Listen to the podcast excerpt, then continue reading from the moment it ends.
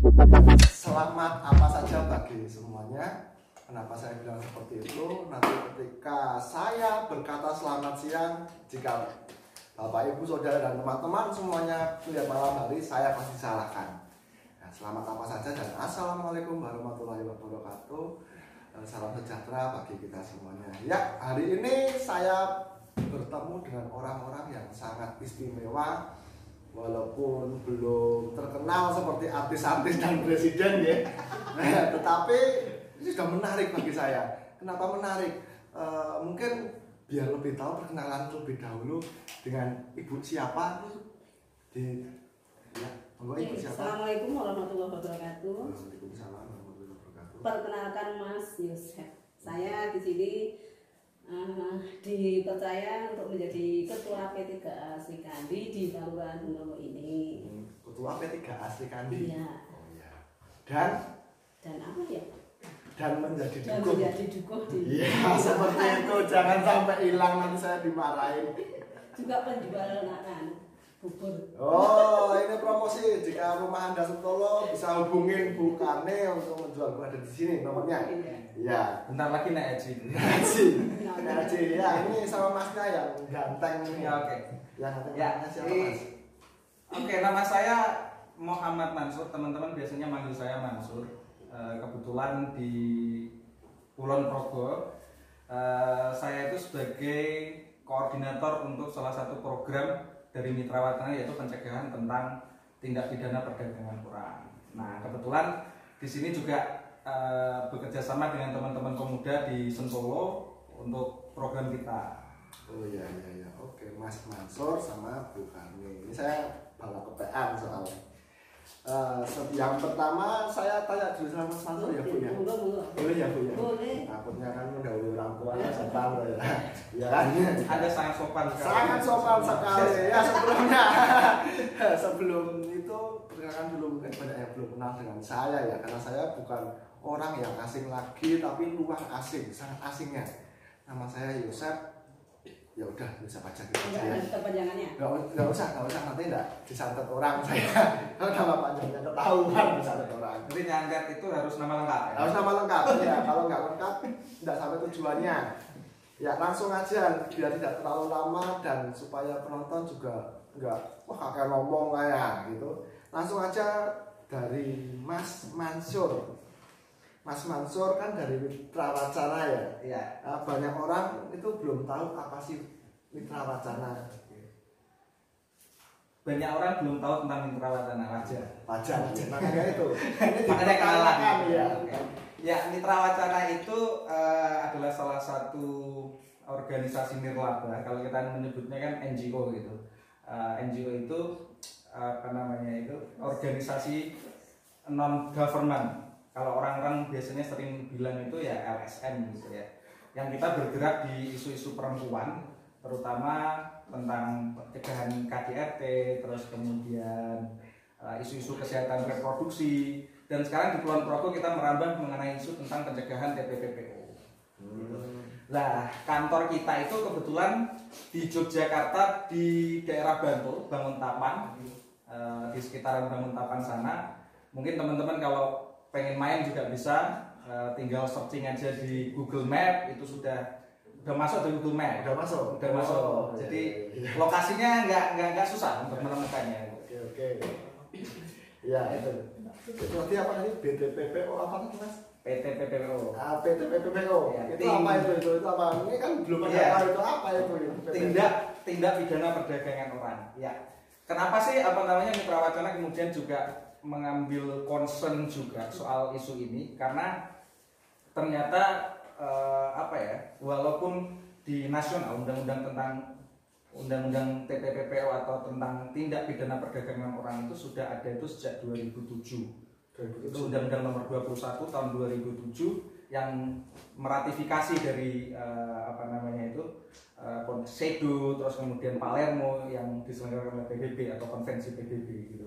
Nah Indonesia sebagai salah satu negara yang kemudian meratifikasi eh, undang-undang di tingkat nasional itu dia harus menjalankan eh, apa namanya ya undang-undang tersebut kemudian membuat undang-undang skala nasionalnya yang kemudian diturunkan sampai di level sampai ke bawah sampai tingkat kabupaten dan sebagainya. Nah, kenapa kemudian Mitra Wacana uh, memilih concern ini juga? Karena persoalan ini sebenarnya apa ya penting tapi tidak dianggap penting begitu. Ya. Penting tapi tidak dianggap penting.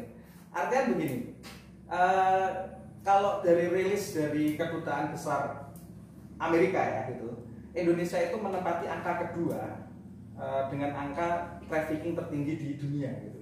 Dia sebagai tempat apa namanya itu transitnya iya, kemudian penghasil apa namanya itu eh, orang-orang uh, yang mau diperdagangkan juga banyak di sini, termasuk juga sebagai tempat tujuannya. Wah, istimewa ya Indonesia istimewa. Istimewa, iya. istimewa ya. tapi dalam konteks sebenarnya gak bagus gitu ya. Uh, dan isu ini perlu kita angkat bahwasanya untuk membuat orang itu lebih care, lebih peduli tentang isu ini, terutama mereka yang kemudian uh, pengen bekerja ke luar negeri ini menjadi satu hal yang penting karena banyak sekali mungkin Mas Yusuf juga pernah dengar berita juga membaca berita banyak sekali eh, kawan-kawan kita dari PMI yang kemudian bermasalah di luar negeri karena tidak mengerti soal soal bagaimana mereka merantau dengan aman terus kemudian uh, bagaimana negara melindungi mereka melalui undang-undang TPPO ini gitu. Oh, iya, iya. Nah, dan di Kulon Progo ini termasuk apa ya kalau di Yogyakarta angka PMI-nya lumayan tinggi. Itu mengapa kita akhirnya kemudian memilih Kulon Progo sebagai uh, tempat untuk menjalankan program di sini. Hmm, berarti termasuknya di Indonesia itu yang menjualkan diri termasuk banyak ya. Menjualkan yang, diri atau iya. didagangkan. Karena gini mas, nah, uh, sekarang itu tuh kan menjadi perdebatan. Kita bilang memperdagangkan manusia, tetapi manusianya itu yang minta didagangkan itu gimana itu mas? Nah. Ada susah ya seperti ini ya konteks uh, itu biasanya gini ya uh, orang tidak menyadari sebenarnya orang pengennya itu kan kerja bukan yeah. didagangkan orang kepengen bekerja uh, terus kemudian tanpa dia sadari dia menjadi barang dagangan semacam yeah. itu akhirnya yeah, bukan orang mas aku tolong dodol kayak nggak mungkin orang akan melakukan semacam itu yeah. kecuali dia memang seperti bukannya yang jualan bubur gitu kan dia pasti pengen mas daganganku didol kayak itu nah. bisa tapi kalau konteksnya manusia saya kira enggak, orang kepengen digagangkan itu enggak.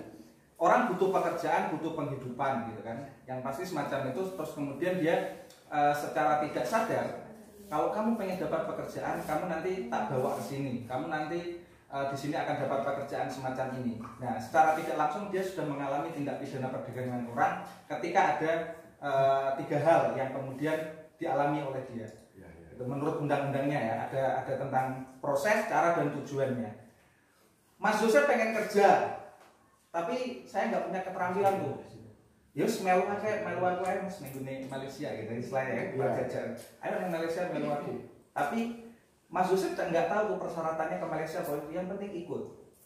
Hmm. nah di sana ternyata Mas Joseph dipekerjakan janjinya jarinya dijak oh, bekerja karaku gitu di nenggine perkebunan. Perkebunan ya tapi ternyata di sana hanya dieksploitasi aja. Oh. gajinya nggak sesuai kadang malah kemudian kalau di Malaysia konteksnya kemudian malah dicari-cari polisi di Raja Malaysia hmm. nah ini ada dan di situlah kemudian trafficking atau kemudian perdagangan orang ini terjadi semacam itu. Dan orang itu nggak sadar kalau dia sedang mengalami itu. Hmm, ya. Berarti secara kontekstualnya itu perdagangan manusia itu luas ya mas ya kadang-kadang itu kita cuma berpikir bahwa perdagangan manusia itu ya menjual diri. Ya. itu cuma seperti itu. Ternyata luas ya yang menjadi uh, perdagangan manusia itu. Kadang-kadang ini menjadi stigma ya. Taruhlah misalnya walaupun kalau menurut kami sendiri gitu ya uh, entah keterbatasan akses dan sebagainya uh, pekerja walaupun misalnya tanda kutip pekerja kom seks komersial taruhlah itu itu konteksnya juga dia tidak tidak uh, belum tentu dia itu perdagangan orang gitu bro. Hmm. Karena di, di perdagangan orang ini sangat spesifik sekali ya, terutama di undang-undangnya dia harus memenuhi tiga, tiga unsur gitu tentang uh, proses, cara dan tujuannya. Kalau di situ ada perekrutan orang diiming-imingnya yuk ikut ikut ikut itu ada proses perekrutan terus kemudian dia ditampung dulu ada proses pemindahan jadi ada perpindahan dari satu tempat ke tempat yang lain gitu kalau kalau dulu antar negara kalau sekarang itu hanya e, perbedaan kota saja itu sudah termasuk sekarang. Jadi diangkut dari Kulon Progo ke Sleman gitu. Iya. Terus diangkut lagi ke mana lagi misalnya dipindahkan lagi lah kon- konteks semacam ini yang menimbulkan eh, orang ini kalau dalam ranah undang-undang TPPP oh ini masuk dalam misalnya ini cara Hmm. Nah, prosesnya itu bisa di di apa namanya dengan bujuk rayu, ditipu, diintimidasi. Nah, tujuannya apa? Di sana dieksploitasi. Entah jasanya yang dieksploitasi, entah fisiknya yang dieksploitasi. Nah, semacam itu. Terus eh, apa namanya? Yang membuat kerugian baik secara material maupun non material gitu. Yang yang bagi mereka yang kemudian cara tidak langsung didagangkan tadi. Iya, iya. Nah, kayak gitu. Lah, misalnya konteksnya Mas Yosef tadi tentang cerita eh, orang apa namanya apa sih di, kepengennya malah diperdagangkan atau Ya, memperdagangkan diri. Diri. Itu kan sebagai penjual jasa itu bukan kan ya, istilahnya mereka kan menjual jasa untuk secara profesional pengen mendapatkan penghasilan gitu ya. Taruhlah eh, sebagai pekerja seks komersial taruhlah misalnya. Ataupun atau apalah yang kira-kira misalnya kita sebenarnya juga melakukan hal yang sama tapi konteksnya berbeda.